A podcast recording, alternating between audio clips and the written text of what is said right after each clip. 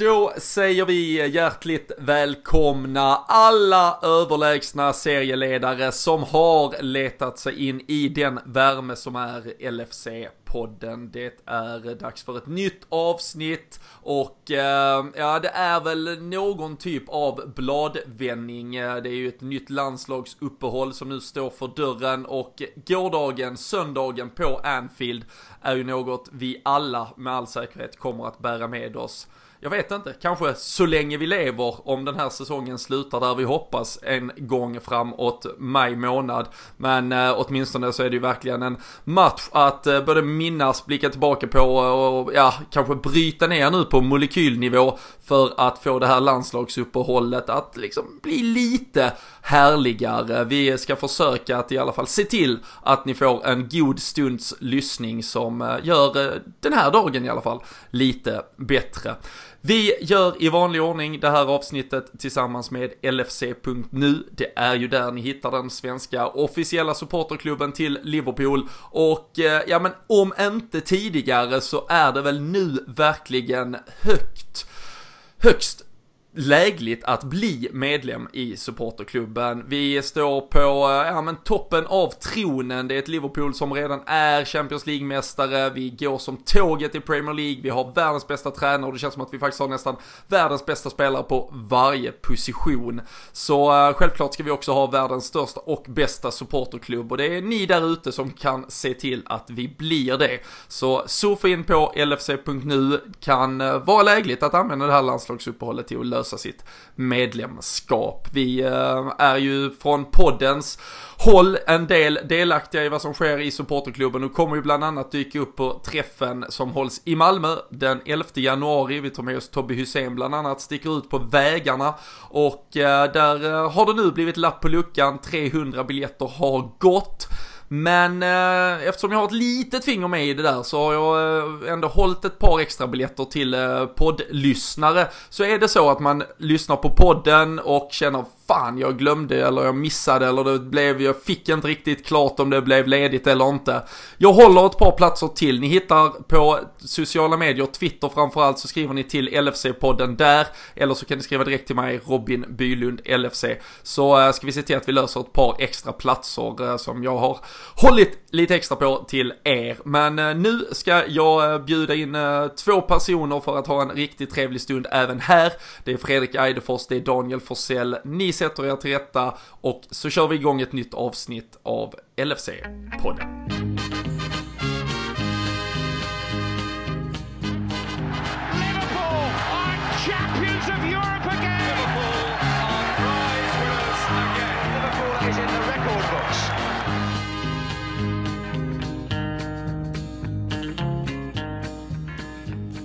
Jajamensan boys, det är måndag kväll och eh, fan Danny, jag är glad att jag har lyckats få loss dig för det är ju fotbollsskalan och hylla landslagsspelare vet jag att du gärna hade gjort hellre. Ja, jag såg det faktiskt två minuter innan vi eh, började spela in här så såg jag att eh, första, eller det var några målvakter som hade fått pris. Det var första liksom, nyset jag fick på att det var en fotbollsskala idag. Så jag, det har jag totalmissat. Det brukar man ju ändå ha lite koll på men, men eh, jag känner väl att jag är så långt ifrån det här Eh, Eh, de här liksom svenska landslagsspelarna som, eh, som jag kommer, särskilt med den kanske bästa av dem i fiendeland i England liksom, även om de är en bit bort i tabellen. Men eh, nej, inte någon fotbollsskala för min del. Det är kanske någon som kikar som drar på det här direkt efter och fick njuta av det bästa av två världar. Men nej, uppehåll igen som du nämnde i introt där. Det, det var ju ett jäkligt tråkigt sätt att börja det här på men vi, vi, har ju lite roligare saker att prata om också. Ja, men så är det. Så du, du sitter inte samlat med liksom hela Borås för att hoppas att Marcus Rudén tar hem årets mittfält? Nej, det, jag har inte gått i bräschen för den eh, samlingen. Ja, det är bra. Ja, det, jag, jag vet, jag, jag, förstår, jag märker nu att nu pratar jag till och med spelare som Daniel inte ens vet vem de är. Så det är liksom, jo, han har lirat i Elfsborg. Ja, men jag vet fan inte om han är från Borås egentligen från början. Det, ja, det ska vi låta... Det. Han har ju startat klädmärke och grejer vet du. Det gör man om man är från Borås. Ja. Det, ja, ja, det är bra. Nog om det, känns som uh, sidospåret. Uh, Textilstaden. Textilstaden, det är bra. Uh, Sveriges Rio de Janeiro. Det. det har vi lärt oss. Det sagt. Så är det. Uh, med oss uh, från uh, ytterligare då lite västligare breddgrader och ja men vårt allas Göteborg, Fredrik Eidefors är, ja men kan man må bättre än vad man gör idag? Nej, det kan man inte. Jag satt faktiskt och egentligen det första jag tänkte på på morgonen när jag vaknade idag när jag tänkte på matchen igen det var ju om man tar bort allt det här med liksom att vinna titlar och liksom eh, tävla, tävlingsmomenten egentligen så är man bara så jävla glad att man eh, får vara att man lever och får se ett Liverpool spela på det sättet man gör idag och eh, bygga det laget som Klopp har gjort. Bara, bara en sån grej, man som sagt tar bort allt det andra. Det är sjukt kul att se och eh, som sagt toppar man det då dessutom med att det går jäkligt bra dessutom så är det ju som sagt gräddet på moset men nej det är svårt att mår bättre just nu. Jag vet inte om, eh, om du mår bättre än vad jag gör, men jag tror inte det. Nej, det, det tror jag. jag tror vi det mår nog alla lika bra tror jag. Ja, jag tror vi är väldigt, väldigt många med uh, sympatier för uh, det där röda laget från Merseyside som mår uh, alla lika fantastiskt bra just idag och man kan ju inte nog egentligen understryka det som du är inne på. Jag vet, eh, ja, vi har ju i alla möjliga konstellationer suttit här och framförallt i våras på hela den Champions League-resan det blev och vi visste att det var liksom uh, a bumpy ride uh, till höger och vänster och sen var det ett uh, Premier League ja men liksom crescendo, liksom ett, en upplösning på det som var alldeles enastående på sitt sätt men även om vi den gången föll kort liksom så var väl ändå liksom det bestående intrycket att där och då så tryckte sig Liverpool hela vägen upp i den absoluta världstoppen och sen är det ju såklart liksom, det kommer alltid vara det enorma liksom gräddet på mosen, pricken över i. Det är ju titeln vi vill åt såklart, men alltså att bara få, ja men kunna konstatera att man lever i detta tidevarv, folk som har varit med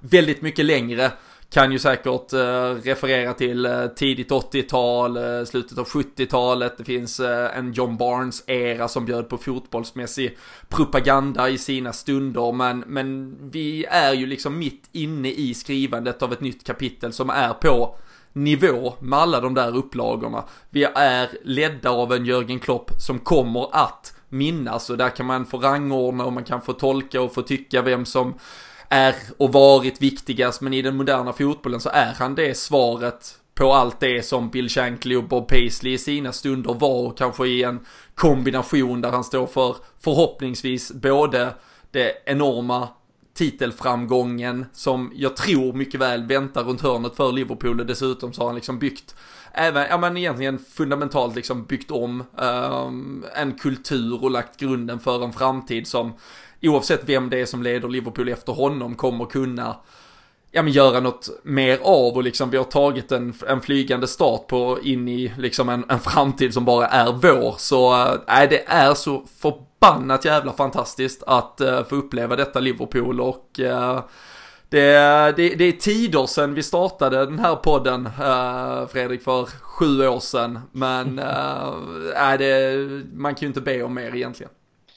Nej, nej men det kan man inte och det, det är väl egentligen så att när vi som sagt start, eh, började med podden så, så var det ju en, en fantastisk säsong som vi, som vi fick eh, liksom följa då. Men det var ett helt annat Liverpool. Det var ett Liverpool som åkte till Cardiff och vann med 6-3. Man såg bedrövlig ut bakåt men lyckades på något sätt göra sex mål framåt. Det här laget är ju helt annorlunda. Eh, det är väl egentligen måste gå tillbaka till 08-09 när Liverpool var en liksom en, eh, en maskin. Alltså som, visst, då förlorade vi två matcher den säsongen eh, mer eller mindre. Men det var ändå så här, det var, det var så nära man kan komma. Men det här är helt annat. Alltså det här är ju vi är ju spelare som är med i Ballon d'Or, alltså folk som eh, spelar som vinner titlar, eh, eller eh, eh, awards. Alltså det, det är ett helt annat Liverpool som aldrig vi har upplevt tidigare och det är som du säger, det är fruktansvärt kul att man får med om, om detta. Så att, eh, vi hoppas på att det fortsätter så. Eh, då finns det inte mycket att klaga på. Mm. Nej, verkligen. Och eh, jag tror ju inte det har undgått någon, men Liverpool eh, leder alltså nu Premier League på 34 poäng efter 12 spelade matcher, 11 vinster, en oavgjord. Och eh, kanske i liksom eh, all förbryllning och liksom jubel över att vi hade dunkat dit City och därmed klivit nio poäng från dem i tabelltoppen så, så kanske man lyckades eh, glömma att det faktiskt finns ett Leicester och Chelsea däremellan nu. Eh, så det är ju en tabelledning på åtta poäng. Men eh, den, det här att vi så här till, alltså, mm, alltså att det var en monumental vikt gårdagen och så vidare, men hur, hur stort tror vi att den här kommer liksom räknas i den moderna historiska? Det här kan ju mycket väl vara på samma sätt som det för Liverpools del betyder så otroligt mycket i en jakt på en framgång så var det ju eventuellt också en, ja men en liten första kniv i ett Manchester City mm. som har varit så uppumpat under, ja, de närmsta 5-6 åren. Nej men så är det ju. Du är inne på helt rätt spår där och, och framförallt ska man väl se att eh, vad, vad, som händer i slutet på säsongen kommer ju avgöra hur eh, digniteten på denna matchen blev eh, givetvis. Men här och nu så kan man ju lugnt säga att det liksom bara av, alltså ta det avståndet till 9 poäng istället för att tappa det till 3 eller bibehålla 6. Nu tänker jag mot City då givetvis. Nu, jag har inte missat de lagen däremellan men det är väl City som man ändå ser som våra främsta konkurrenter. Och jag menar, här, det blir ju något sorts Alltså man känner att det blir något lite officiellt maktskifte ungefär. Där City i och för sig spelar, alltså bara sett eh, över hela matchen så, gör en bra match. Men där man ändå har känslan inför matchen och under matchen att vi ska lösa det. Och det har man kanske inte haft mot City innan. Man har inte haft det mot alla andra lag heller så sett. Men det känns som att det här, vi, vi bara fortsätter att pumpa och pumpa och pumpa. Och det är liksom är någon sorts självgående maskin som Klopp, spelarna, lite som Eidefors var inne på där. Alltså vi har spelare som är med i Ballon d'Or och inte bara, alltså det är ju i stort sett hela laget, eller hela startelvan nästan. Och mm.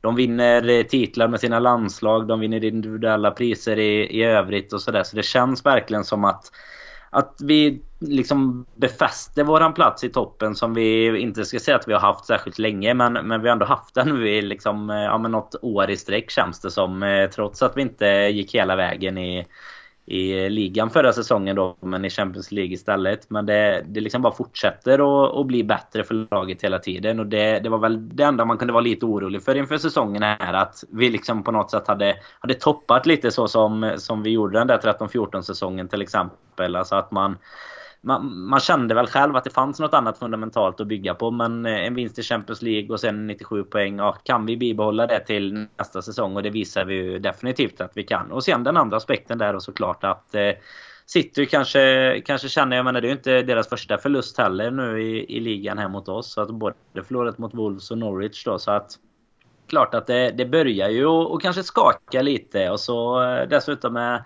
med intåget av elbilar kanske gör att oljeshejkerna blir lite fattigare där nere. Så ja. vi får se. Det kanske blir eh, Nej, och det är också... en placering. ja, men precis. Och så måste man ju liksom uh, ta hänsyn till, uh, alltså vi vet ju att de har alltså, ekonomiska muskler, muskler till att snabbt förändra i sin truppdemografi om de behöver det. Men det är ju ett ålders, alltså vi vet att ett, Fernandinho har varit ett enormt nav för dem nu nedflyttade i backlinjen istället. Liksom Rodri tycker jag inte alls har fyllt den kostymen på något sätt. Jag såg honom inte tillräckligt i Atletico för att liksom kunna bilda mig en uppfattning. Men jag tycker inte alls han har imponerat i uh, den här upptakten av Premier League. Haft lite skador och så vidare, men han har spelat mot, mot Liverpool två gånger om, även då i uh, Community Shield-matchen uh, bland annat. Och nej, han gnällde ju mest igår och fick ett... Som de alla. Ja, och ett förtjänstfullt gult till slut där. Och ja, men den där Guero som Eh, har inte det där stinget kvar och så vidare. Så det, det var ju verkligen, även om jag tycker att eh, det är svårt, alltså jag ser vissa Liverpool-fans som vill få det till att vi liksom, eh, ja men vi körde över Manchester City och vissa City-fans som menar att ja men då vi kontrollerade matchen. Jag tyckte det var en spelmässigt ganska jämn där båda två, City var lite offensivare än vad jag trodde från början, men det passar ju oss perfekt och när vi väl har gjort 1-0, eh, vi ska ju komma in på målen och situationerna som föranledde det så blir det ju en matchbild som, som än mer passar så att säga. Men jag tycker båda lagen stundtals gör sin grej väldigt bra men tycker också att man får lyfta vårt försvarsspel och vi kan väl prata om eh, nästan ja, alltså, kulturspelare, det bemär alltså, bemärkelsen att Dejan Lovren går in och gör en helt sinnessjuk match tycker jag. Jag tycker även att eh, Jordan Henderson gör det briljant den första timmen ungefär som han spelar. Så det, nej äh, men ett Liverpool-lag, du var inne på alltså sju Ballon d'Or nominerade spelare och då är det Fabinho och Andy Robertson kanske var bland två av de bästa på planen. De är inte med bland de där sju namnen. Och sen då Dejan Lovren och Jordan Henderson som kommer in och, och gör det galant eh, för att fylla ut eh, den startelvan. Så nej, det är ju ett Liverpool-lag som på alla plan verkligen imponerar så otroligt mycket. Och eh, nej, det är klart det är ett eh, pulspåslag när Manchester City gör 3-1 och man vet inte riktigt vad som kan hända. Raheem Sterling började få ett övertag ute på kanten där men utöver det egentligen, och jag tror pratar man med den objektive tittaren så, så var det en ganska kontrollerad tillställning från Liverpool och vi var ganska rättmätiga vinnare. Det, det är all, aldrig lätt att dra den analysen när man har så mycket känslor liksom investerade i matchen. Men eh, jag tycker det har varit ganska tydligt när man har tagit till sig information från, från andra som har upplevt det med lite mindre puls än en själv. Ehm, vi, eh, vi ska ta matchen lite kronologiskt såklart. Vi ska lyfta fram eh, väldigt många olika godbitar ur den. Men vi kan väl också bara stanna till vid just tabelläget i lite mer detalj. För vi har ju nu spelat 12 matcher och Eh, det betyder att det är sju matcher kvar fram till 19. Det är alltså då man har mött alla lag en gång och sen vänder ju tabellen och så jobbar vi oss ner mot eh, upplösningen som för Liverpools del blir Chelsea hemma och sen Newcastle borta. Men eh, här Danne, vi har alltså redan nu äh, mött äh, åtta av, eh, eller ja, sju av nio. Vi själva är ju i topp 10. Vi har bara Wolves och äh, Bournemouth kvar att möta bland de tio bästa tabellmässigt i ligan. Annars är det Brighton, Crystal Palace, Everton och West Ham, Watford.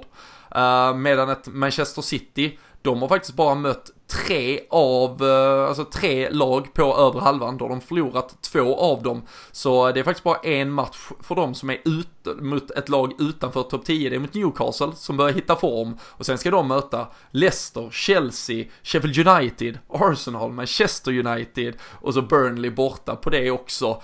Um, är det, ska man börja bli lite sugen på vad som kan hända de närmsta veckorna eller? Nej men så är det. Alltså tittar man på pappret så har vi ju ett bättre schema. Det är inget snack om saken. Sen eh, om det är bättre för oss eller inte, det låter jag egentligen vara osagt. För de matcherna där vi har det tufft, det tycker jag inte alltid är mot, mot City och Chelsea och de här lagen som kanske vågar spela mot oss. Utan eh, vi kan snarare ha det tuffare i andra typer av matcher. Men, men sett på pappret och till spelarnas individuella kvaliteter så har vi ju helt enkelt ett bättre schema.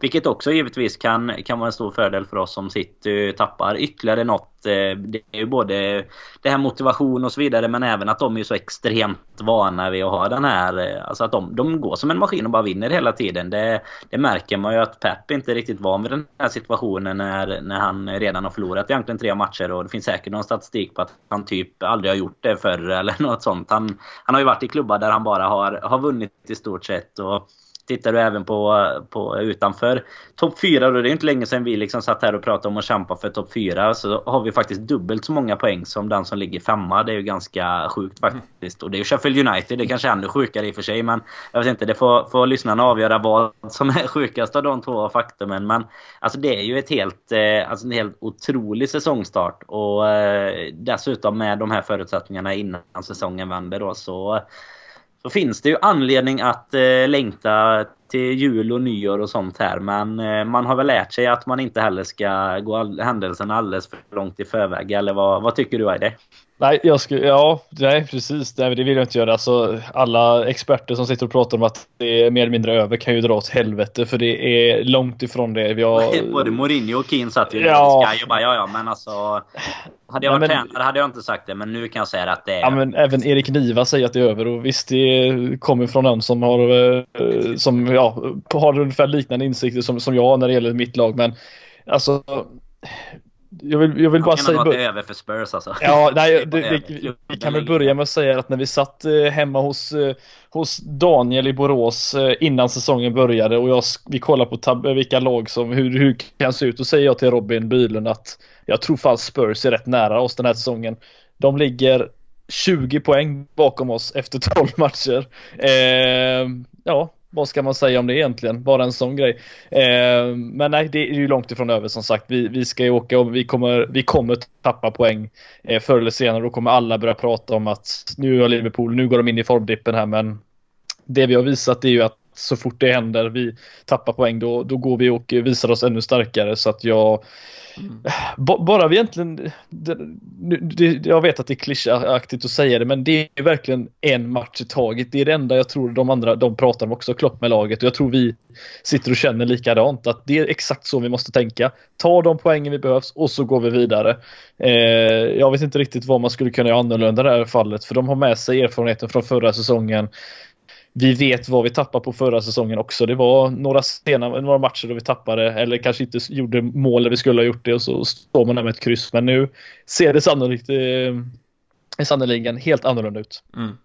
Nej men jag, jag tycker det finns två, eh, två dimensioner att, att, ta med sig. Dels en eh, lite storskalig och en lite mer på, på detaljnivå. Du, du är inne och nämner eh, Tottenham och Danne var inne på det innan tidigare också det här med att vi lyckades trots liksom att vi missade eh, Premier League-titeln med den eh, sinnessjuka marginalen det var den säsongen vi gör förra året så, så lyckas vi hitta kraft igen och det är ju egentligen på samma sätt som vi liksom revanscherar oss för Champions League-finalen 18 med att gå hela vägen och vinna den 19. Eh, vi nöjer oss inte, alltså det här laget nöjer sig inte med att vara nästan i mål och eh, utan det är lite mer liksom, ja men alltså vi har ett jobb som inte är utfört. Och det känns som att alla har så jävla nerborrade huvuden för att eh, det ska lösas i år. Och eh, det tycker jag visar också. Och därför tycker jag också att om man tittar lite på formdipp och så vidare, ja det, det kommer kanske även komma en resultatmässig törn vid något tillfälle.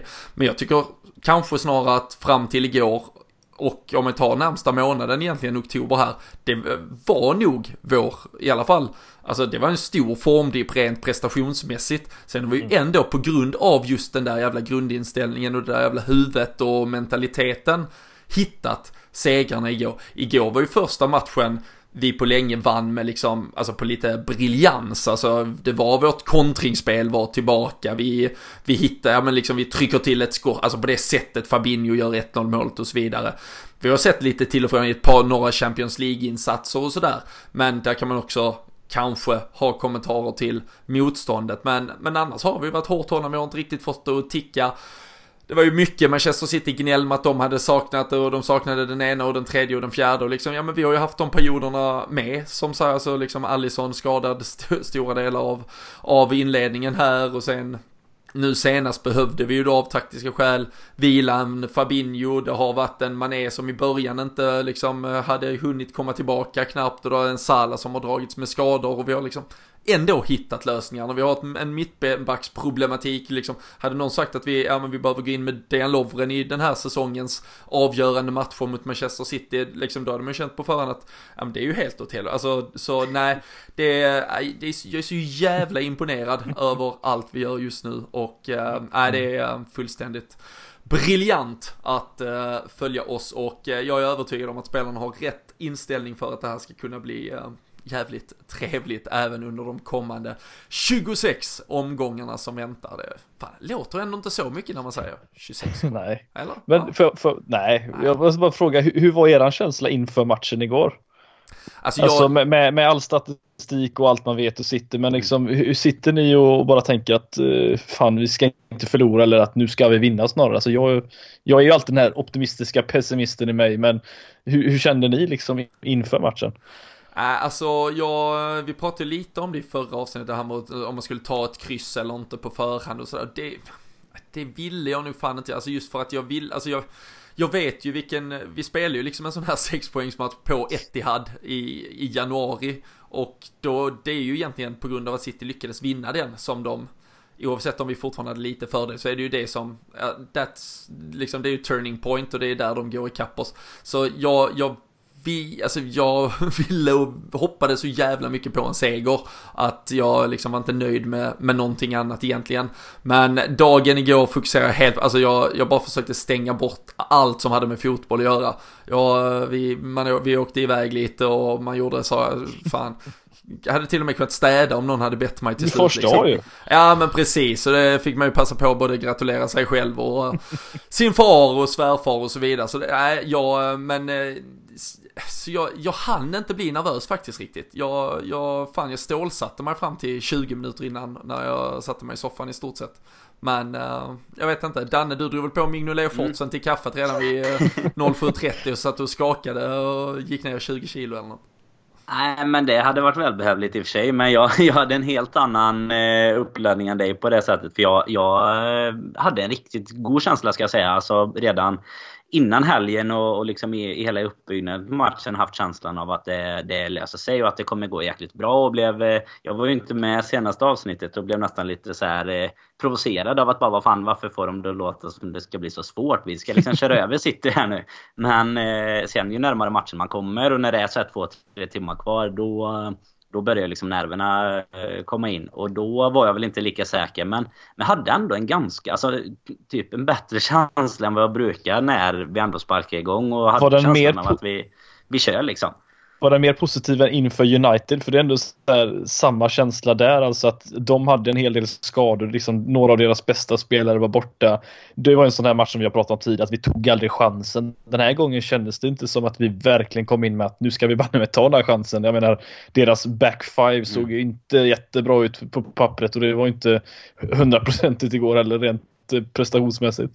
Men jag hade nog en bättre känsla eh, igår faktiskt. Men det, mm. jag är ju jäkligt mycket också för det med hemma och bortaplan och hela den ja, jo, biten. Alltså, men, men jag tycker inte heller... Alltså jag, man har ju sett City i stort sett alla matcher förutom den när de spelar precis samtidigt som oss då. Och jag menar den backlinjen som de hade igår, det var ju inget som, som skrämde. Man visste ju ungefär att det var på det här sättet matchen skulle se ut. Jag tyckte väl att City nästan var bättre än vad jag förväntade mig. Just som, eh, jag tror det var Robin som var inne på det innan, att de var, gick ganska offensivt och, eh, och liksom eh, både pressade högt, vilket kanske inte är jätteoväntat, men även försökte hålla boll väldigt högt istället för att, att spela lite rakare och sådär. Och det, det tyckte jag väl att de gjorde jäkligt bra, men så fort vi fick våra lägen åt andra hållet så var det ju livsfarligt liksom nio gånger av tio. Om det nu, om det nu var tio lägen, men alltså i stort sett varje gång. Och, och, det var väl just det man på förhand också kände när man såg deras lag egentligen. Att inte bara att de är kanske lite skadeskjutna, för det var vissa spelare som, som säkert hade kunnat spela. Som, som är petade mm. till förmån för andra. Men Dyrt till exempel hade jag ju varit helt säker på att skulle spela. Han var ju i och för sig bänkad i mitt fantasylag denna omgången. Men, men eh, inbytt, men numera utbytt faktiskt efter två petningar. Man vet aldrig med Pep. Det är ju roulette varje gång. Och igår han... kändes det ändå som att den backlinjen inte skulle liksom kunna ja, precis som det blev, att de inte skulle kunna klara av egentligen vår offensiv. Han har ju så dåliga resultat också på Anfield, Pep. Han måste göra någonting annat. Jag menar, Anfield är den arenan som han har förlorat flest bortamatcher på. Han har, fanns för statistik som visar att han bara en gång tidigare har legat under med tre mål på, i Premier League-matcher. Det var också mot Liverpool mm. på Anfield. Jag menar, någonting måste bli annorlunda, men det spelar ingen roll som Robin säger med den jävla maskinen liksom. Det är, hur ja, de än vrider och vänder på det så ja, spelar det ingen roll. Ja, och det känns som att förra året var ju den gången han försökte göra något annorlunda när de ja, låser ner det istället precis. och det blir 0-0 och här tror jag att han, han har nog, han har nog också sett att Liverpool har kanske en nivå till i sig denna säsongen. Så han var nog heller inte helt nöjd med om det hade blivit, alltså han, han kände nog att det kanske behövdes en vinst faktiskt uh, för mm. detta här. Sen problemet då är ju att, alltså vill du försöka vinna mot Liverpool så är sannolikheten större att du förlorar i stort sett. Alltså vi har ju sett det gång på gång på gång så det är ju klart att Manchester United-approachen eh, med att ligga på, på rulle med en eller två spelare och kompakt uh, försvara dig med de 8-9 övriga uh, är ju kanske det som straffar oss länge och framförallt liksom hemma på Anfield det hade kunnat bli lite frustrerande och det hade varit segt bolltempo och så vidare men sen Pep Guardiola men kolla Villa Manchester... också. Ja. Kolla Villa-matchen det är ju samma, precis samma ja, sak. Sheffield United Sheffield. borta, ja. ja. Mm, men att en Pep Guardiola ska göra, där är väl någonstans det pratar vi också om förr, alltså det går väl i clinch för mycket med liksom all hans fotbollsfilosofi för att det ska vara möjligt att liksom uh, helt till fullo uh, släppa ut en sån startelva med den uh, liksom attityden till det. Men sen måste jag, om vi nu pratar just laguttag, alltså jag var för, alltså man kan säga väldigt mycket om åtta män, men jag tycker att Manchester City är ett så jävla mycket bättre lag med Fernandinho som sittande mittfältare. Så när, oh, mm när de ändå har chansen, alltså jag förstår att han kanske tycker att då Fernandinho och Rodri är bättre fotbollsspelare individuellt än Otamendi, men jag tycker att för deras balans så hade det, jag tror att det hade straffat oss eh, med, alltså han hade kunnat bryta i sönder flera av de här kontringslägena som vi utnyttjade på ett annat sätt. Så, så det var jag tacksam för. Och sen Angelinho som visserligen gör det helt okej okay, och han skapar ju dessutom någon chans eh, längre fram. Men det är, alltså, det är klart att det på förhand trigga tror jag en sån som Mohamed Salah och Trent som vet att de redan ja, i dagsläget, alltså de har ju ett övertag på i stort sett vem som än kommer mot dem på en sån kant liksom och det är klart de utnyttjar och känner, eh, ja men kanske någon ytterligare procent att de har chansen att ta en löpduell och så vidare. Det är även där Jordan Henderson kommer förbi när han hittar mané till, till målet eh, som eh, betyder 3-0. Så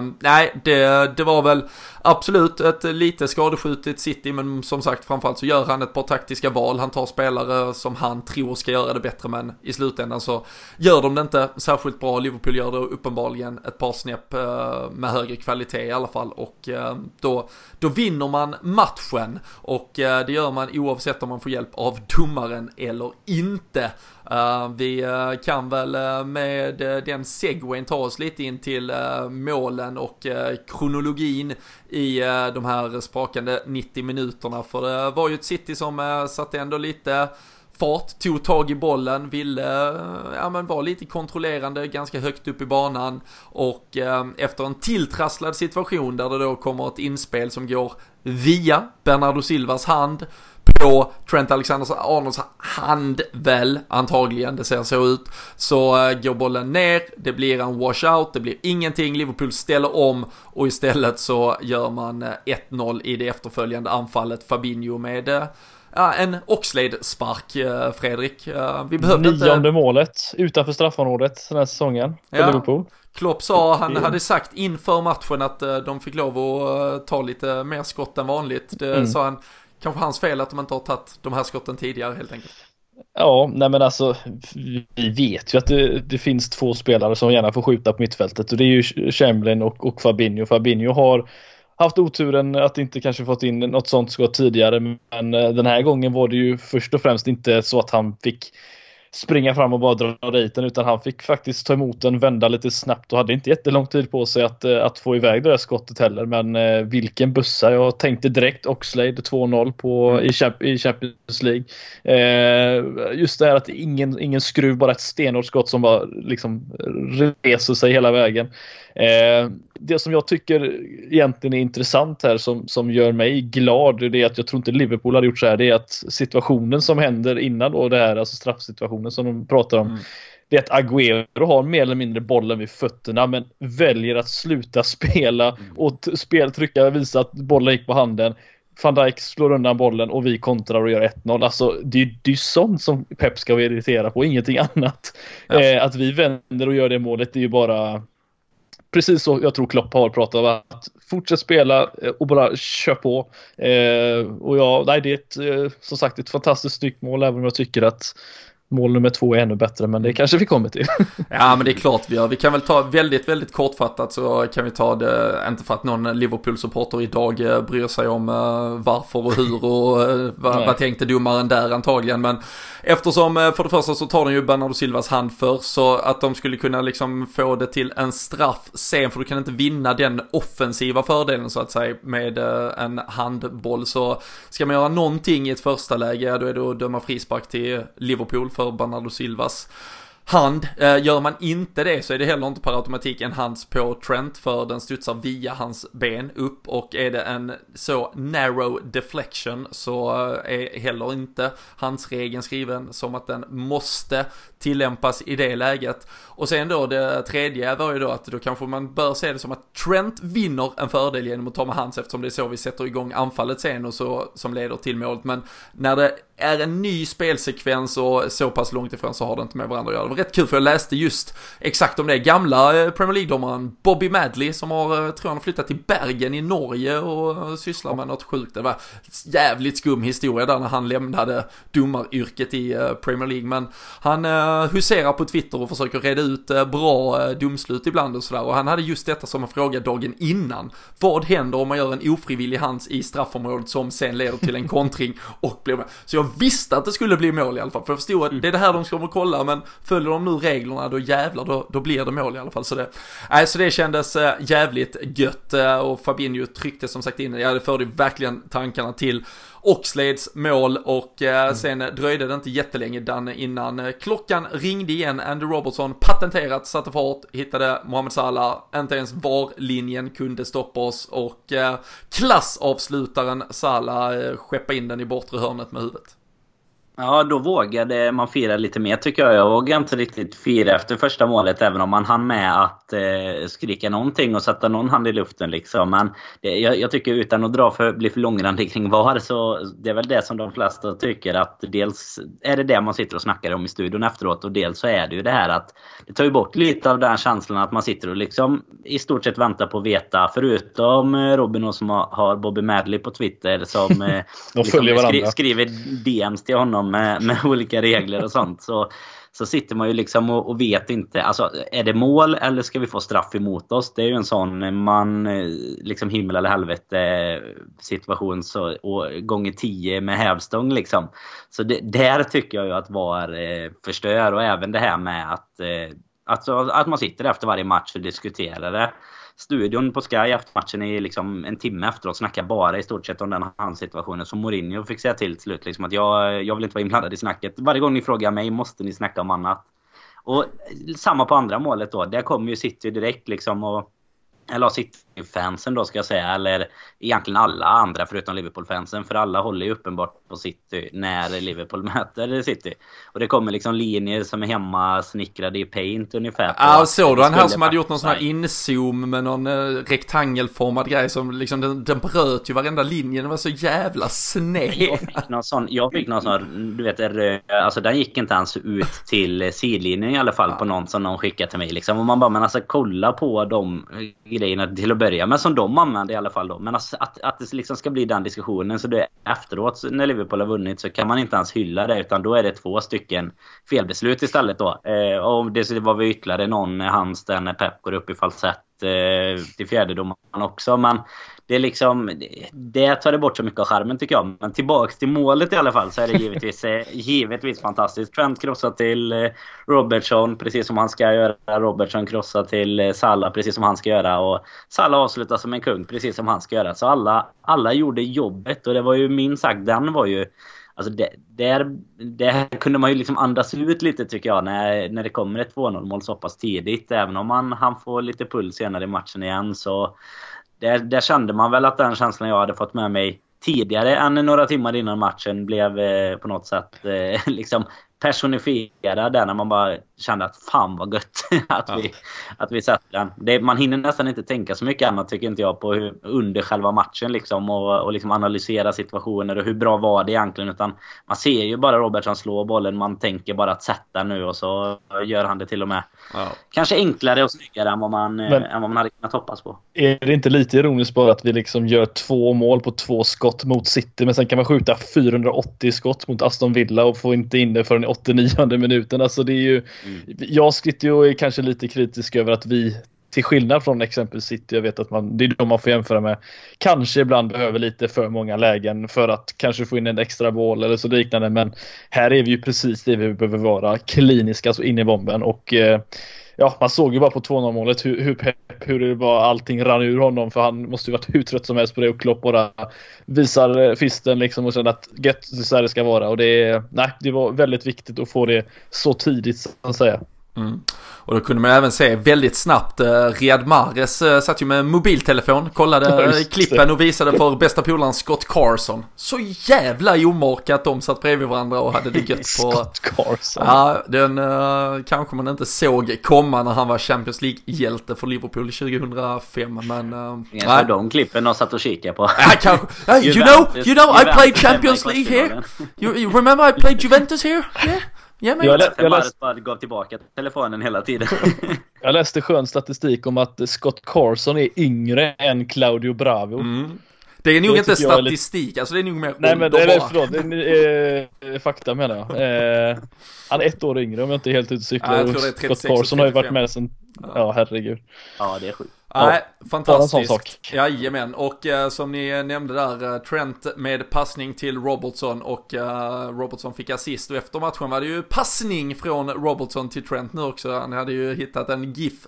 Det gillar man när de hittar en GIF på sig själv i alla fall. Robertson gick ju där längs kanten, det var väl bara någon minut fram till när matchen höll på att ta slut och han gick och bara mm. flinade för sig själv och insåg att vi vinner nog detta. Och så slängde han ut det med någon kommentar när, han, när man inser att man har fler assists än Trent Alexander-Arnold. Och uh, Trent var inte snäll, han var inte långsam där. Han har ju redan svarat, ja du, uh, inget avgörs nu, det avgörs i maj ungefär. Så de lär fortsätta gå uh, head to head i det där assist-racet. det var ju Trents fot som hittade Mané förra veckan och gav oss poäng 2-0 här var ju såklart superviktigt. Och 3-0 sen eh, ytterligare ett huvud som eh, dök upp Sadio Mané då återigen, Jordan Henderson med en jätteprestation för att hitta honom och eh, Danne det är ju mer regel än undantag nu att Sadio Mané nickar in mål för Liverpool trots att han är 1,74 vill jag minnas. Ja, men med en spänst som gör honom till 2,97 typ. För inte att det behövdes i och för sig i detta läget. Det var ju viktigt att poängtera att det var en diving header också. Vill jag att alla ska Verkligen. påpeka för Guardiola här efteråt nu på tal om, om dives och mané. Men nej, det är ju... Henderson gör ju en jätteprestation där och då Carragher stod och snackade med honom efter matchen i studion och där säger han ju egentligen. De visar ju även mot Chelsea förra säsongen gör de ju ett eh, lite liknande mål när Henderson är lite längre in. Och han pratar mycket om det just eh, det som du är inne på där att man är en extremt stark huvudspelare och att eh, han liksom vet redan när han är där nere att jag kommer söka bort det för eh, det, han ska vara där helt enkelt. Det, var, det finns väl något klassiskt eh, citat på tal om svenska landslagsspelare från typ VM 94 att de eh, hade sån bra symbios att de bara visste vart de skulle vara. Eh, Andersson och Brolin och gubbarna. Men, jag tror även när, det är lite så. När Roger ja. Ljung nickar in 1-0 mot Kamerun hittar de honom på bortre stolpen. Så det... Ja, det kanske är den. Det kanske är den där.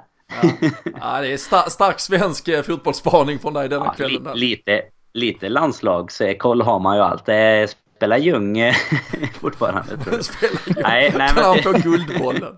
Fan, Guldbollen till Ljung. Vi får se om någon, vi får se om någon timme. Nej men tillbaks till, till Mané. Han kanske får Guldbollen däremot i, i antal gjorda mål nu. Han är ju i en extremt fin form och som sagt när, när folk klagar på Salah, även om han nu eh, inte vi riktigt har satt oss i den eh, lilla roddbåten än till de som eh, behöver göra det så, så är ju Mané i en helt hisklig form och, och bara alltså han ser ju så ruggigt farlig ut hela tiden och sen gör han ju mål och assist eh, om vartannat här nu. Så nej, fantastiskt fint. Och så Henderson som sagt där också med underbar assist. Och innan han, vi nämnde ju det här i början att eh, man märkte ganska stor skillnad tycker jag när han fick gå ut sen efter någon timmes spel också. Så han gör ju en, en jättematch där mm. igår, kaptenen. Ja, det, var inte, det var ingen ballongboll till inlägg direkt. Nej, det var... Det var flack tacka inlägget vi alla, vi alla behöver tror jag. Det är, eh, det är så man gör assist så att säga.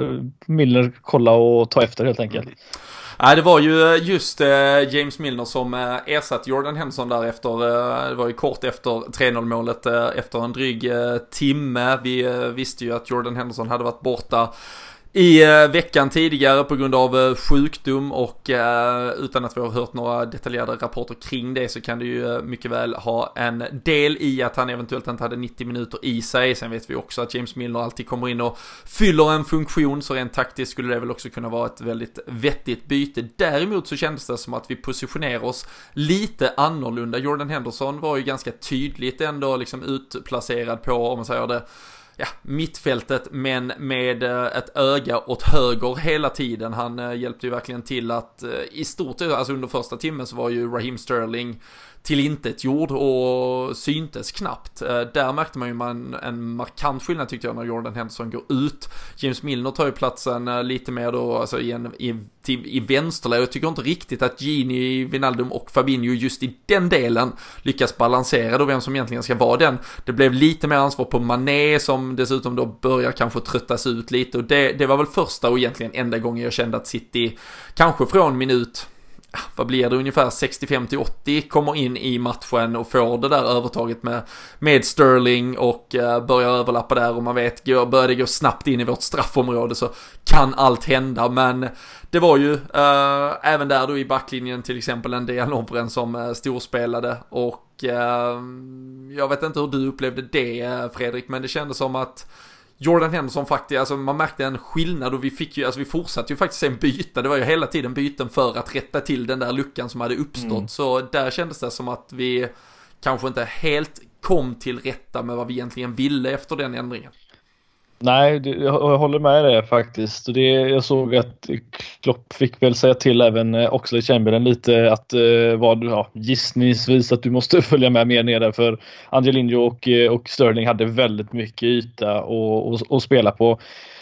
Sen är det klart, hur tror ni Klopp resonerar egentligen? Alltså, tror ni att han tänker att det är bättre att de får slå inlägg därifrån eller att vi, de får spela centralt i mitten. Alltså, vad, tror ni att det För, för ja, min känsla var fortfarande, jag vill säga, min känsla var fortfarande att, att vi, vi gav dem yta att spela på snarare än att de faktiskt ja, tog för sig extremt mycket mer.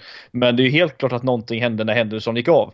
Men eh, det är frågan om Klopp tänkte annorlunda, för jag menar, det var inte direkt så att varken Jesus när han kom in eller Agüero hade allt för farliga lägen ifrån de här lägena Det var ju ett läge som Agüero visserligen kanske mm. borde gjort mål på men ja. annars så var det ju inte Det var inte så jäkla farligt när de kom ut därifrån. Jag menar van Dijk och Lovre vinner ju varenda inlägg som ska rensas ut därifrån så att det är Ja, det, det, det, är svårt. Nej, men, men jag tycker helt det, klart jag hände någonting. Ja, och jag tycker det är helt rätt att vi ska, det är klart vi ska släppa, alltså trycka ut dem på kanterna. Problemet mm. tycker jag är när du inte har tillräckligt bra understöd mot Raheem Sterling så är det inte, yeah. far, då är det inte, då handlar det inte om att du liksom eh, lockar honom till ett inlägg. Då vet du att han sticker, han sticker förbi dig mm. och så mm. sticker han rakt in. Och sen är det trumpinnar och på samma sätt som Sadio Mané och Mohamed Salah får straff ifall någon bara råkar nudda dem på hälen så får ju Raheem Sterling det också för att det går så jävla snabbt. Och eh, det var väl det jag kände rädsla för. Eh, och där tyckte jag framförallt, jag tyckte också Fabinho kanske orkade ta den löpningen lite oftare första då 65-70 minuterna. Han tröttades av lite, det blev också antagligen lite i obalans i vem som exakt hade vilken rollfördelning. Men även att eh, Henderson hjälpte till jävligt bra där uh, hela tiden. Jag tyckte även Mané när han blev ombedd att göra det gjorde det riktigt bra. Men sen när vi hade gjort liksom alla tre bytena då var det plötsligt, eller ja, två byten. När Joe Gomez väl kom in så blev det väldigt tydligt hur vi skulle försvara oss mot honom. Och Joe Gomez fick även ta tillfället i akt och trycka till honom lite extra.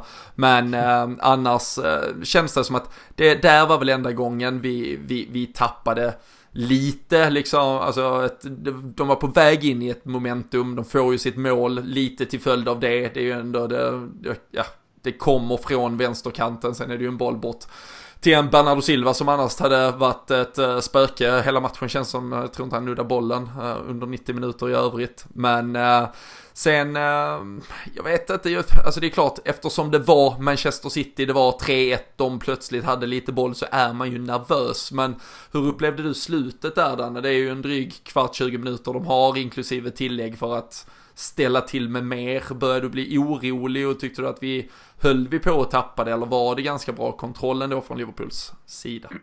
Nej men jag tycker nog att vi hade ganska bra kontroll men de, de har ju något läge bara typ två minuter efter målet eller tre mm. minuter någonting Sterling. som är jäkligt nära. Precis. Och då, där är det, det är väl det när Sterling passar va? Eller han, han kunde ha ja, han skjutit. Läggspel med De Bruyne och så lägger han den bakom Jesus som ja, inte precis, får bollen. På. Som, och som är lite täckt av van Dijk eller någon mm. där också dessutom. Men, men där kände man ju att eh, liksom när de började skapa så direkt efter målet. Då han till, liksom då, till och med tänkte jag säga, men då, då han även jag blir lite lite nervös faktiskt Sen tycker jag när det liksom gick två, tre minuter till och man ändå kände att det ska jäkligt mycket till nu om vi ska tappa, tappa det liksom. Men det är klart att skulle de gjort två snabba där, det, då, då hade man ju inte helt eh, kunnat förvänta sig kanske en trepoängare heller. För precis som du säger så är det många de får det när de gör målet är ju extremt viktigt. Alltså gör de inte målet där så är det knappt att de kommer skapa några lägen sista tio för då orkar de inte kraftsamla precis som vi inte kanske känner behovet av att, att falla ner. För det tycker jag man märker att vi gör ganska tydligt efter målet. Så faller vi tillbaka lite, blir lite oroligare, vågar inte riktigt och då, då får ju Sterlings trumpinnar kanske ännu mer yta att göra det han vill göra och det är ju lite som du var inne på Robin, han är ju inte där för att slå inlägg utan han vill ju bara gå rakt in. Och det var där jag också tyckte att vi tappade efter att Henderson går ut egentligen. Eh, sen ska man givetvis hylla, hylla hela mittfältet. Alltså de, de är väl de som vi oftast har varit lite osäkra på inför matcherna när vi ska sätta våra elvor denna säsongen. Och, och, här gör ju egentligen Fabinho, Wijnaldum och, och Henderson är ju tre... Det är ju helt världsklassinsatser av eh, allihopa och eh, Milner får väl komma lite efter där i, i sina 30 minuter som han fick. Men mm. eh, Nej, det, de stänger ju ner det totalt egentligen där. Och eh, det, därför blir det väl bara i, det läget man blir lite orolig när de, när de har något läge direkt efter. Annars tycker jag att vi spelar av matchen ganska, ganska bra faktiskt. Sista tio drygt då. Ja, och framförallt går, spolar man helt in på, på de sista, nu, sista 5-6 minuterna är ju sånt jävla skolboksexempel av shithousery som man mm. alltså älskar att, alltså det är ju exakt det här man liksom har växt upp med att se ett uh, Alex Ferguson United göra vecka in, vecka ut. Man liksom såhär, ja ah, men fan det är ändå ett par minuter kvar. Så bara, vad fan, de, de nuddade inte bollen sista, alltså bollen var inte ens i mm. spel sista fem, Mourinho liksom var ju den första att liksom anamma den approachen och, och kunna hantera det och spela av det helt. Vi får väl lite hjälp av City som väljer någon kort hörna till exempel istället för att liksom spela in bollen i boxen och så. Men det känns en sån typisk grej vi också hade kunnat göra. Det är väl lite så här, något som ligger de här spelande lagen i farten, att man tror att man har kanske en nivå till. Men annars, där är van Dijk som eh, när han ska täcka ut den, eh, lockar fram och får en smäll i ryggen av Sterling. Sen tar ju det liksom Ja, det tar ju en minut. Det är Sadio Mané som vet att han är 20 meter offside, men han är ju inte avvinkad förrän han sparkar iväg bollen. Då ryker den liksom upp på läktaren istället för att man bara tar ner. Alltså det, det Alltså ja, men att ha, det, det finns någon liten extra nivå, det finns någon cynism i, i laget som kanske inte, alltså som inte sprudlar ut. Alltså jag tycker Liverpool verkligen fortfarande alltså förmedlar den här, alltså det här, om man säger, ja men livsglada, positiva, om man säger härliga Liverpool. Det är ju lätt för oss att sitta och säga som är supportrar, men, men att ändå, att även i de här spelarna finns den där extrema tävlingsmedvetenhet och de har sån jävla koll på vad det är de sysslar med där ute och det, mm. nej, det var, det var gott att se och det verkar som att eh, Fredrik Eidfors sitter och muntert instämmer där borta. Ja, nej men alltså en grej som jag tycker vi faktiskt inte får glömma det är ju att eh, om man, jag då som sitter och har sett matchen två gånger, där har jag ju faktiskt sett den en gång, eh, en gång till mer eller mindre, eh, ganska snabbt. Men alltså Kevin De Bruyne som visat, han har liksom gjort nio assist den här säsongen. Han är dubbelt så många som, som nummer två i den här ligan alltså positioneringen han har mer eller mindre i Citys anfallsspel strax utanför boxen att alltid, han är ungefär som en sån där spelare med en väst på sig när man tränar som, man inte, som är den extra spelaren som gör att man blir en man mindre. Han är alltid delaktig hela tiden. Han höll vi ju fruktansvärt tyst igår och det får vi ju säga att hela mittfältet gjorde fruktansvärt bra. Och det är väl lite det jag kände, jag tror att vi visar väldigt stor respekt för för honom igår och, och det är lite därför Sterling också kanske fick väldigt mycket yta för att vi just ville täcka upp den ytan extremt mycket. Eh, och nej, det är inte många lag som lyckas hålla en Kevin De Bruyne så jäkla tyst i slutändan och eh, det får man ju faktiskt ge eh, spelarna eh, väldigt mycket cred för och jag då som vi alla som tycker van Dijk eh, eh, är, är en kolossalt eh, viktig spelare för oss och hur bra han än är så tycker jag ändå att han har, eh, han kanske inte varit lika bra som han var förra säsongen men att, att en Dejan Lovren som vi nämner kommer upp och är så stabil han är, det är får vi också säga ja, en hel del om eh, hur, hur bra Liverpool var igår. Att, eh, att alla, ja, Mané var väl enda som kanske inte kom upp i sin riktiga höjd om man säger så. Trots det gör han mål men ändå så hela laget 10 av 10. Det, man kan inte kräva mer tror jag. Nej, jag tycker framförallt Mané kanske första kvarten det var lite så här eh, kladda på boll och så gav bort ja. ett par frisparkar och, och det var ju där första kvarten såg man bara den så kanske man tyckte ändå att Kevin De Bruyne var lite involverad. Det var mycket fasta mm. situationer och så men han fick inte riktigt nyp på det. Eh, vi hade även en eh, fråga här eh, som jag absolut tycker vi kan ta, men jag måste ju stanna vid DN Lovren när, när du nämner honom i, i förbifarten på det sättet. För alltså det är ju det är ganska exakt två år sedan vi eh, var på Wembley och mötte Tottenham och eh, det var, eh, ja, det var sånt respass så ja, man har ju sällan sett på maken. Där och då tror jag ingen trodde att DN Lovren knappt skulle bära tröjan igen. Där minns jag att Jürgen Klopp veckan efter ändå tog ut honom igen, visade förtroendet. Uh, Dejan Lovren har Nej, jag tycker det är så jävla imponerande. Alltså det, man, man ska få lov att kritisera. Vi, vi är supportrar, vi, vi är inte mer än så så att säga. Och vi får lov att tycka och tänka och uh, sen ska det göras med i alla fall lite nyanser och med fötter på jorden ibland och man får absolut inte ta till eh, hot och liksom eh, ord som inte är, har att göra med liksom en insats på en fotbollsplan. Men att han har kämpat sig vägen tillbaka, det har krävts en Joe Gomez som först gick i sönder, en Matip som nu har gått i sönder, men att han, han får göra de här matcherna, att han fick göra gårdagens match, uh, alltså när han slänger sig för att täcka skott, det blir en skottfint och han fan studsar på röven upp i en meter för att liksom täcka nästa skott. Då, eh, där och då, då, eh, då, då skrev han liksom, då bara ristade han in sig i hjärtat på mig och skiter i vad som händer resten av hans eh, Liverpool-karriär. Jag önskar han fan bara så jävla mycket gott och nej, äh, jag, jag var glad för hans skull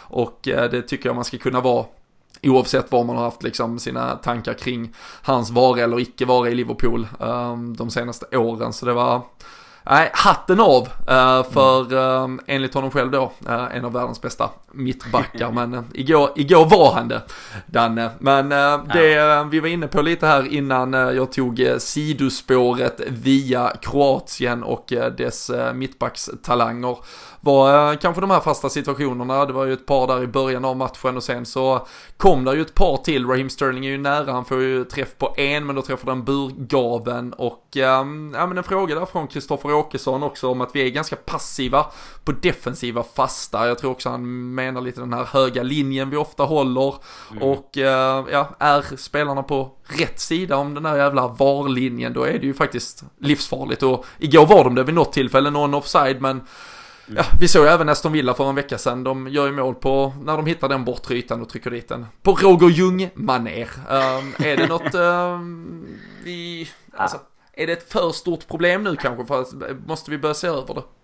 Nej, jag. Jag, jag tror att eh, Aide ska få fylla på lite efter mig här också. Jag tror att han kanske ser mer av ett problem i det som, som har granskat detta just lite hårdare när vi pratade om det här eh, innan tidigare idag. För vi, vi har ju såklart sett det precis som du är inne på Aston Villa. Vi har sett det i andra matcher också. Aston Villa ledde ju till mål. Här leder det nästan till mål. Sterling har ju någon nick som han, han drar lite utanför eller snett över sådär också. Och det är klart att det, det, har ju varit ett, eh, ett snack om det. Att vi har en eh, lite högre linje nu både på fasta och framförallt i spelet överlag. Just det här med att anpassa oss efter VAR och vi vet att eh, vi kommer kunna bli räddade om man säger så. Om, om killen på linjen inte flaggar. Och man, det är klart att bevisligen så är, finns det ju något litet problem i det. För att det är ju i flera situationer de inte är offside som blir farliga målchanser. Så så jag tycker väl ändå att vi, vi på något sätt ska kunna diskutera fram någon lösning här. Jag vet inte, är det bara att, att dra en lite lägre linje eller vad, vad är problemet? Liksom? För vi har ju ändå...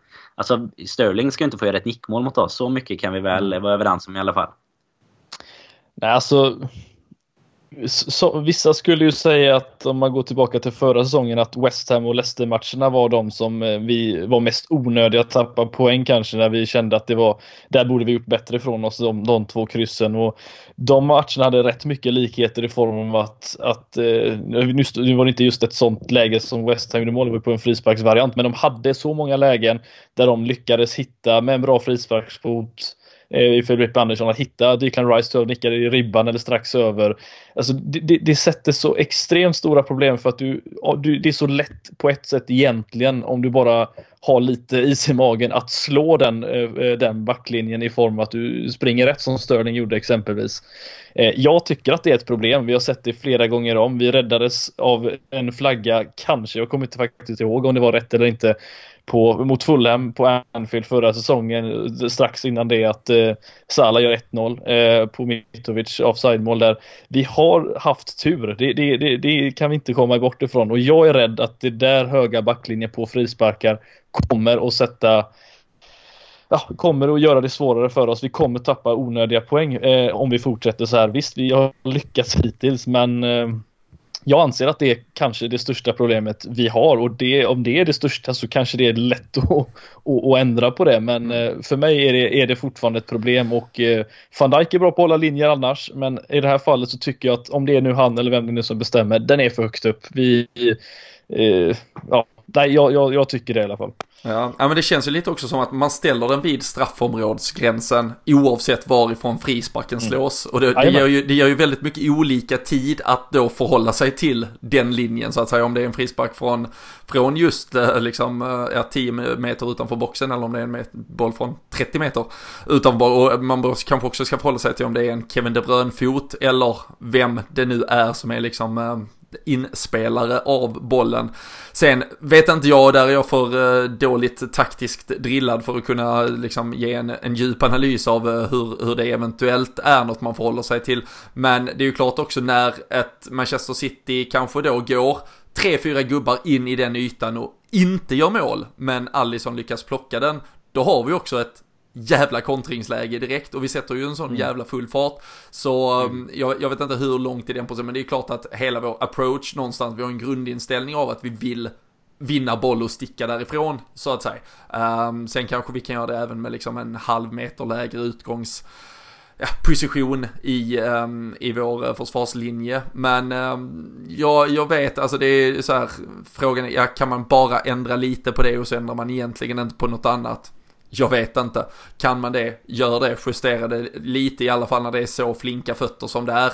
Med Kevin De Bruyne till exempel. Men eh, jag tycker också alltså det känns li lite som liksom det här med att försvara sig på hörnor eller vad det är. Alltså när du, när du gör det tillräckligt bra, gör det då hellre på ett sätt så att du också har en plan för vad gör du när du vinner bollen till exempel. Och det känns som att det är det steget Liverpool har i, i huvudet och i tankar i allt vi gör idag. Um, och det, det känns som det kan vara något som även bygger på eh, våra utgångspositioner på, på fasta situationer i, i sådana lägen. Så eh, nej, äh, men, äh, men äh, det, jag tror inte att Kristoffer där som skrev det var ensam om det. Man brukar kunna svettas till lite när, när chanserna ges.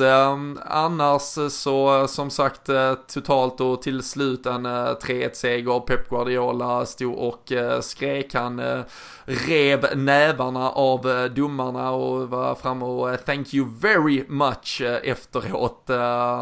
Topplocket verkar ha gått där. Han skrev ju själv i sin bok och uttalat sig om att man kan inte vinna en liga redan så här tidigt men man kan förlora den. Tror du att han känner att han har gjort det?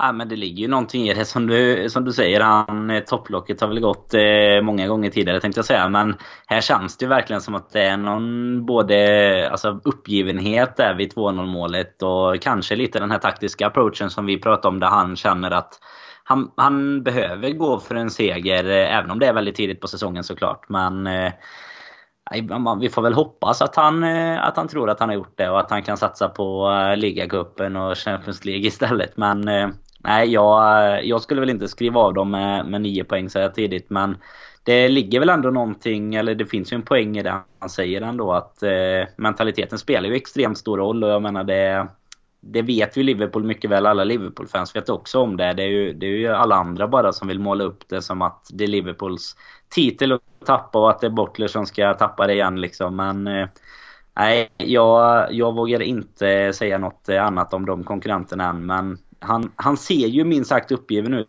Och igår eh, var det ju liksom, alltså när de kom ut i halvtid där liksom var de fortfarande, de stod och pratade med fjärdedomaren. Det var Larteta som var framme och stod och snackade. Och de, de liksom, ja, de fastnar ju väldigt mycket i det. Det är inte det här liksom, ta det och gå vidare och fortsätt spela liksom. Utan eh, det, det är väl jävligt kul att se när det inte är ens eget lag som, mm. som sitter i den sitsen. Ja, och jag känner också, alltså vi pratar om Liverpools liksom eh, förmåga att återsamla sig och revanschlystan och eh, ja, koncentrera den in till liksom en, en, en maktfaktor inför då nya utmaningar. Att Manchester City nu nio poäng bakom, de vet de möter inte oss förrän i april igen. Det är liksom nästa chans till en så att säga sexpoängsmatch, annars är det, det handlar om att vi ska tappa de ska hela tiden gå rent, vi måste tappa, de ska hela tiden gå rent.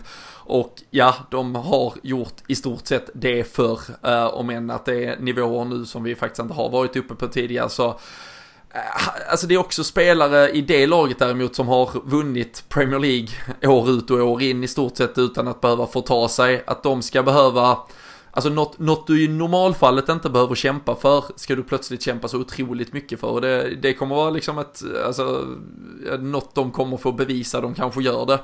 Uh, men ja, det finns väldigt mycket för Manchester City att bevisa just nu um, innan vi kan liksom ta det för, eller kanske börja dra, inte slutsatser men i alla fall kanske tydligare få en bild av vart den här säsongen kommer vara på väg. Och eh, tror det är de närmsta 3-4 matcherna som kommer signalera det. Eh, och eh, vi ska såklart komma tillbaka, det är ju ett landslagsuppehåll nu så vi kommer tillbaka och snackar upp nästa match. Men det känns så här på förhand så känns det som att eh, det är en riktig eh, skräckmatch för eh, Fredrik Eidefors redan nästa vecka, Crystal Palace borta. Eh, kan väl inte bli värre, tar hellre City, Chelsea och Leicester i ett eh, best off-lag och möter dem hemma på Anfield. Ja, alla dagar i veckan. Alla dagar i veckan möter jag City hemma och borta före Crystal Palace. Alltså det är som sagt det är, det är, det är för enkelt upplagt för, för, för misär för mig som, som alltid sitter och är negativt positiv innan varenda jävla match. Men alltså om det är någonting vi har visat så är det att vi kan, eh, kan stå upp emot spöken som vi haft tidigare. Eh, jag tror statistiken talar lite för oss på de senaste gångerna mot Gustav Pärlas i alla fall, men Pallas borta är lurigt. Jag menar, Zaha vet ju vad han kan göra. Det är liksom vinner ju straffar och frisparkar hela tiden. Så att nej, den, den är lurig, men det är samtidigt, eh, vi är väldigt bra just nu Robin, så att jag, jag, jag känner mig ändå ganska positiv ändå. Ja, det tycker jag att du har all rätt att göra. Uh, vi såg ju att eh, uh, Mohamed Salah låg ner och tog sig från den där ankeln som han har, uh, ja han har ju dragits med det nu sen Leicester-matchen. lite lite eh, rapporter att han ska, han åker till landslagssamlingen med Egypten men det ska genomgås lite undersökningar. Man befarade lite att det skulle kunna vara att man har så att säga slagit upp den där skadan. Det får vi väl återkomma kring. Vi håller såklart tummarna för att det är så, så bra det nu bara kan vara med honom. En eh, sådär 10 timmars eh, flygning. De skulle spela mot Komorerna tror jag liksom. Vad fan är Komorerna ens? Tror dock att MFF-spelaren Fouad Bachirou spelar där. På tal om ingenting, kul att uh, veta. Men eh, nej, uh, en flygresa dit kanske är det sista hans uh, uppsvullna ankel behöver. Men uh, han gör allt för landet, det ska han väl få göra. Men vi hoppas att han kan komma tillbaka frisk och kry. Och är han inte 100% fit så spelar för fan inte några onödiga landskamper. för sen efter att vi har varit och spelat på Sellers Park, Dan, då är det jävlar i det dags för podden away. Det är faktiskt nästa Premier League-match på Anfield. Det är väl läge att börja skruva upp eh, termometern inför det också va? Jajamän, det är det definitivt. Jag, jag, skrev ju det till er igår där också att det är lite så här. Det är ju jäkligt roligt och lite sorgligt på samma gång att det är nästa hemmamatch eh, när det är så, så pass länge kvar ändå. Det är ju ja, nästan 20 dagar tills dess. Men eh, jag tycker jag man ska skruva upp, eh, eh alltså framförallt de som ska med ska ju börja tagga till rejält nu för för så långt bort är det inte och även om jag nu målar upp det som att det är långt bort. Det är bara för att det är ett sånt här jäkla landslagsuppehåll emellan. Men eh, vad passar väl bättre då än att sitta och, och ladda upp lite inför podden away och så eh, med en tuff Pallas-match borta där som, eh, som lite uppvärmning på plan också. Men nej, det blir la fantastiskt kul. Ja, det är klart det blir. Såg att du var ute och svingade lite på Twitter kring, jag nämnde Mignolet-shortsen tidigare. Jag har hört rykten om att de redan ligger nerpackade också i resväskan. Ja, både de och så hoppas jag väl att det är på väg ett till från eh, Sandrods här nu. Hoppas jag du har lagt beställning på. För jag tyckte väl att jag nästan vann den där tipptävlingen. Det där 3-1 målet kan ju inte räknas i, i tipptävlingen. Det hoppas jag inte att eh, att vi drog in när vi rättade. Utan jag tror vi hoppas vi gav det till någon som, som hade 3-0 bara. någon som hade, någon som hade 3-0 och hette Daniel Forsell.